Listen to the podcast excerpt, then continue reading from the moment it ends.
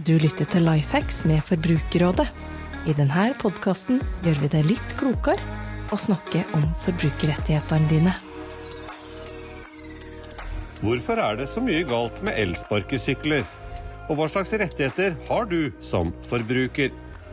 Og hvordan kan elsparkesykkelen koste deg dyrt fordi den går for fort? Det skal vi snakke mer om i denne podkasten, der du også skal få TV 2 Hjelper deg-programleder Solveig Barstads beste life hack. Jeg heter Bengt Eigil Ruud, og med meg i dag er to gode kollegaer her i Forbrukerrådet, Thomas Iversen og Berit Aamodt.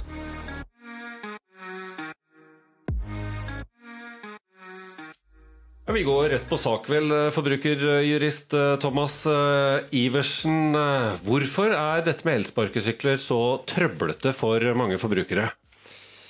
Det er mange som har kjøpt elsparkesykler de siste årene, og særlig mange unge som har kjøpt seg elsparkesykler for konfirmasjonspengene.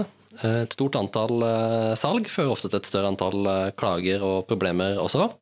Særlig når syklene er litt, litt dårlig kvalitet hos noen leverandører. Vi opplever jo at flere av leverandørene har eh, dårlige rutiner, eller manglende rutiner, til å håndtere kundeklager. Og da blir det fort både kø og misnøye.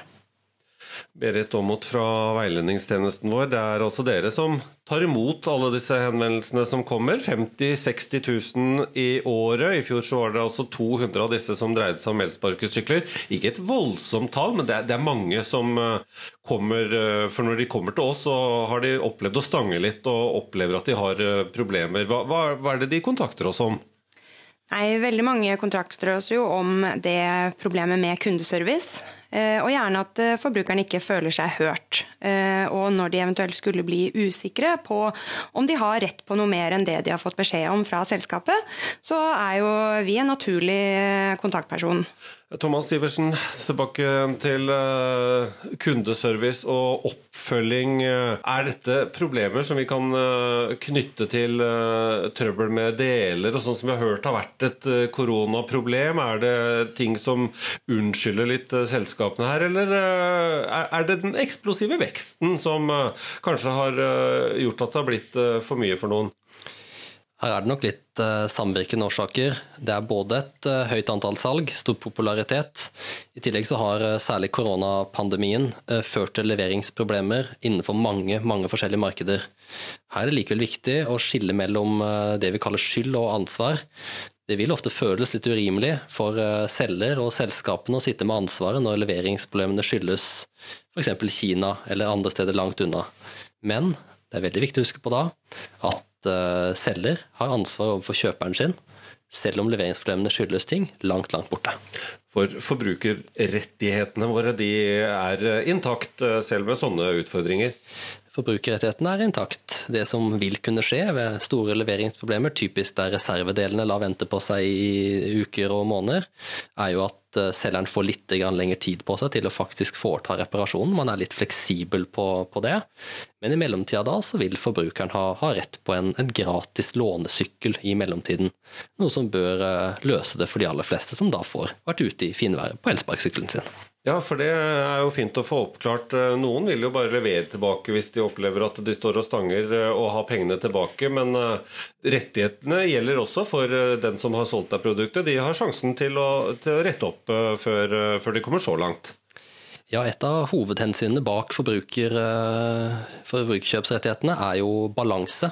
At både selger og kjøper skal ha, ha balanserte, balanserte rettigheter.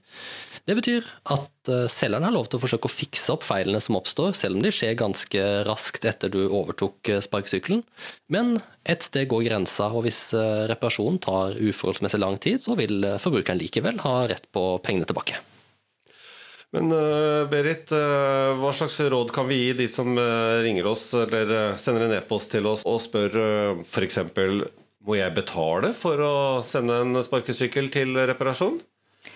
Da kan vi si at eh, en reparasjon skal skje kostnadsfritt for forbrukeren. Og dette er det mange som ringer oss om, fordi de f.eks. har fått beskjed fra selger om at de må bekoste og sende tilbake, eller i tillegg få eh, motta et verktøysett for å reparere selv. Så det er flere problemstillinger knyttet til det, men det viktigste er at det er selgeren som har ansvar for å reparere, og at det skal skje kostnadsfritt for forbruker. Vi har vært eh, litt tøffe i klypa. Vi har til og med gått til tilsynet med ett uh, selskap. Thomas, hvorfor uh, har vi vært så strenge? I henvendelsen vi mottok i, i, fjor, så var det jo et selskap som skilte seg litt ut. Som hadde litt over dobbelt så mange henvendelser som selskap nummer to på lista.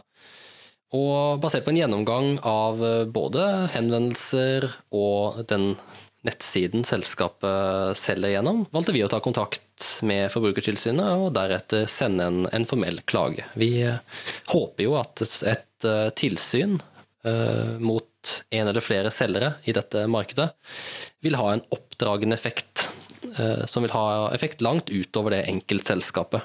Som vi håper igjen da, vil kunne føre til mindre forbrukersårbarhet ved bl.a. at de tar kundeservice uh, oppgavene sine på alvor. Mm. Vi, vi, har jo et par uh, selskaper som går igjen uh, i hendelsesregisteret vårt. Uh, er det mengden salg som gjør at disse skiller seg ut? Er det et selskapsproblem, eller snakker vi om trøbbel som er liksom for, for en hel næring her? Det er jo særlig selskapene Stay Classy og E-Wheels som går igjen i våre henvendelser når det gjelder elektriske sparkesykler. Det finnes jo mange aktører der ute som selger vesentlig flere eh, ting eh, per år enn eh, en disse selskapene, også til sammen, men som har vesentlig færre henvendelser relativt sett. Så selv om eh, selskapene har hatt en eh, relativt eh, bratt omsetningskurve, så er dette et, eh, et, problem også, ved at vi, eh, vi ser ikke samme kundestørrelsesutfordringer hos, hos, andre bransjer og andre markeder som har vesentlig uh, høyere omsetning og, og selger mange, mange, mange flere gjenstander i året. Så denne unge bransjen da, med en, eh, en, kjempesuksess, må vi jo kunne si, på, på salgsvolumet som de har hatt. De, det er litt sånn uh, oppstartsproblemer? Det kan nok være litt oppstartsproblemer også, men i tillegg så skyldes det jo at mange av disse elsparkesyklene uh, ser ut til å gå i stykker relativt raskt. Og en eh, litt mer uoffisiell gjennomgang sammen med flere av veilederne viser jo at vi har et eh, veldig veldig lavt antall henvendelser på elektriske sykler, altså elsykler. Man skulle tro at det kunne vært noe av det samme problemet der, men der har vi forsvinnende få eh, spørsmål sammenlignet med elsparkesykler. Så vi må jo anta at kanskje en vanlig elsykkel har litt høyere kvalitet, selv om det også kanskje selges av samme selskap.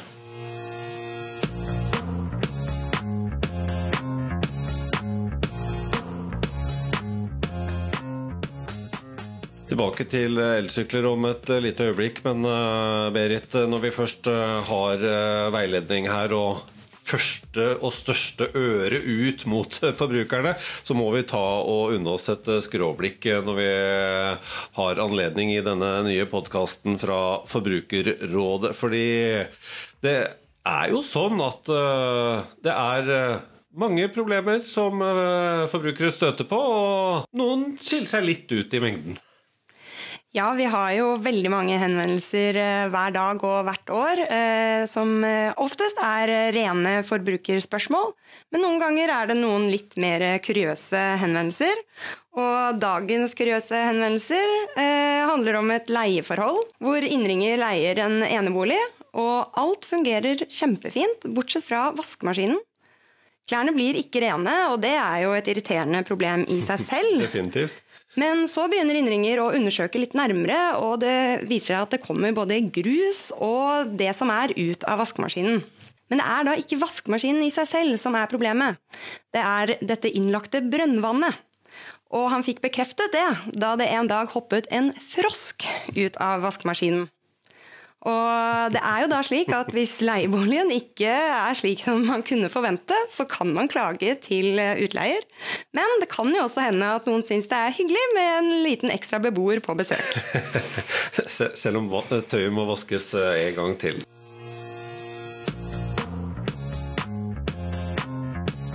Tilbake til elsparkesyklene, Thomas, for eh, det er jo det vi skal snakke mest om eh, i dag eh, et lite utropstegn eh, også har jeg satt ved eh, neste punktet. Fordi en del elsparkesykler er jo til og med forbudt. Ja, og det ser vi jo på nettsidene til flere av aktørene. De markedsføres med lovlige modeller og såkalte ulovlige modeller. Og det er jo en av de få tingene her i, landet som du kan kjøpe som er markedsført rett ut som ulovlig. Det er lite du kan kjøpe ellers som er det. Mm. Men hva går dette på, da? Elektriske sparkesykler, på samme måte som alle andre fremkomstmidler i Norge, jo, er jo regulert i eh, lov og forskrift. Og mest sentralt for en elektrisk sparkesykkel er eh, hastighetsbegrensningen på 20 km i timen. Det skal være installert en hastighetssperre som kutter motordriften når sykkelen passerer 20 km i timen. Det vil si, du kan rulle en nedoverbakke mye raskere enn 20, men da kutter motoren på 20. Alle sykler som går fortere enn det, er i strid med regelverket og, og ulovlig. Men må alle elsparkesykler ha speedometer, da, sånn at jeg kan vite det? Eller hvordan kan jeg vite at denne sperra fungerer på min elsparkesykkel? De aller fleste elektriske sparkesykler har et form for speedometer, men eh, det skal være informert om veldig tydelig fra celleleddet dersom sykkelen har en sperre som er over 20, eller ikke har det i det hele tatt. Du vil også kunne merke den du kjører, kjøre, men det skal ikke være opp til deg å, å merke det når du har kjøpt en ny sparkesykkel. Den skal ha en forhåndsinnstilt sperre, eller helt klar og entydig informasjon om at den ikke har det. Men uh, hvis jeg kjøper brukt, da, foran uh, Skal jeg vite det da? Da er jeg helt nødt til å stole på den jeg kjøper av?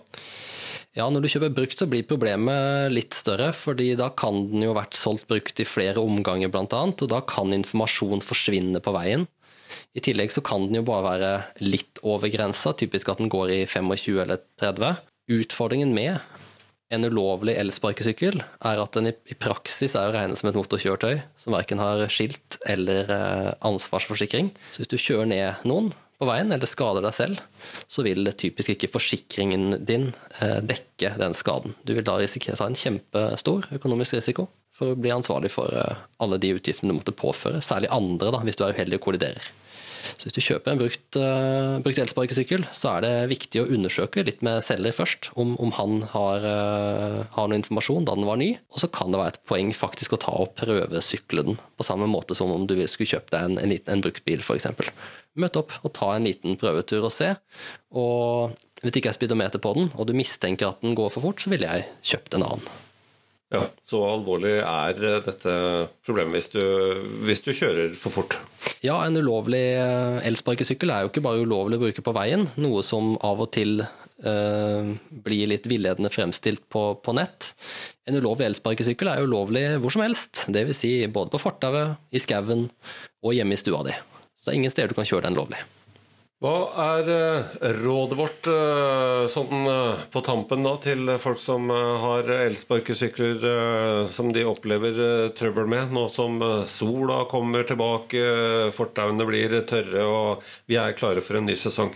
Elsparkesykler er jo et fint supplement til annen persontransport. Og det er fint å ta seg en tur på elsparkesykkel når det blir vår og fint vær. Hvis den slutter å fungere, så må du ta kontakt med selger og, be om at eh, feilen fikses. Den skal fikses ganske raskt, og du har i så fall rett på en uh, lånesykkel dersom den reparasjonen tar lang tid. Og så vil jeg slå et slag helt avslutningsvis her for å passe på å bruke hjelm. Jeg pendler selv til jobb med elsykkel hver eneste dag, og jeg ser dessverre mange som er ute på elsparkesykkel uten hjelm. Det er like stor risiko for å falle av som for en sykkel, kanskje til og med mer. Takk for uh, gode råd. og oppdatering fra veiledning, eh, Berit og Thomas.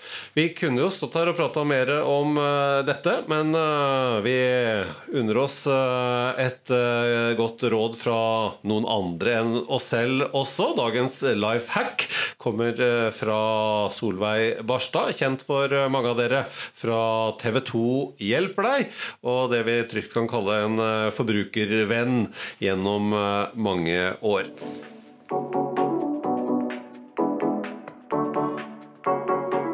Altså, jeg har jo ett life hacks egentlig som overgår alle. Og det er eh, hvis noe virker for godt til å være sant, så er det nettopp det det er. Ikke sant. Så egentlig mitt aller viktigste life hack er å ikke bite på noe som helst. men, eh, men, det blir jo litt kjedelig i lengden um, å være så skeptisk. Um, og sånn som det er nå, da, så er det jo uh, sånn at alt blir dyrere for oss nordmenn. Det blir rett og slett dyrere å være eh, norsk. Eh, strømprisene er jo skyhøye. Renta er på vei oppover, matvareprisene er på vei oppover. Eh, og ser ikke vekk fra at forsikringsprisene kommer til å gå opp, de òg. Så da er egentlig eh, et sånn godt råd, som er litt kjedelig, men desto eh, mer sant, nemlig at du må gjøre en bitte liten jobb. Eh, så kan du spare ganske mye penger på ganske kort tid. Det ene er jo selvsagt eh, eh, det å skifte strømleverandør. og Det er ikke sikkert at det hjelper så mye nå, for nå har jo alle høye priser, men eh, det kan være lurt likevel. Og så er det der kanskje én gang i året. Sette seg ned og så se. Ja, den forsikringsavtalen som jeg inngikk, som var en veldig god deal, den er jo faktisk blitt ti år gammel. Kanskje jeg skulle tatt og ringt forsikringsselskapet og høre om de kan gi meg en litt bedre deal. Kanskje samle forsikringene litt òg. Fordi jeg vet at forsikringsselskapene syns at det er veldig dyrt å skaffe nye kunder, så det vil gjerne eh, sørge for at de kundene de faktisk har, er fornøyde. Og Det samme kan du gjøre med banken. Det er veldig styr å flytte lånet fra en bank til en annen, men det kan jo hende at det kan gi deg eh, litt lavere rente, og det kan gi store utslag i den tida som eh, går framover nå. Så sett seg ned finne ut eh, hvem er det store utgiftene er på disse litt store, kjedelige, faste utgiftene som durer ut hver måned. Da kan du spare mye penger. Så lurer du kanskje på er jeg flink til å følge mine egne råd. Eh, la meg si, eh, det er kanskje lurt at jeg òg skal skjerpe meg.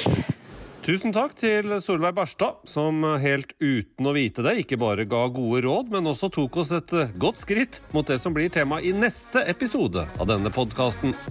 Håper du som har eh, hørt på dette, blir med oss da også. Takk for at du eh, hører på Lifehacks.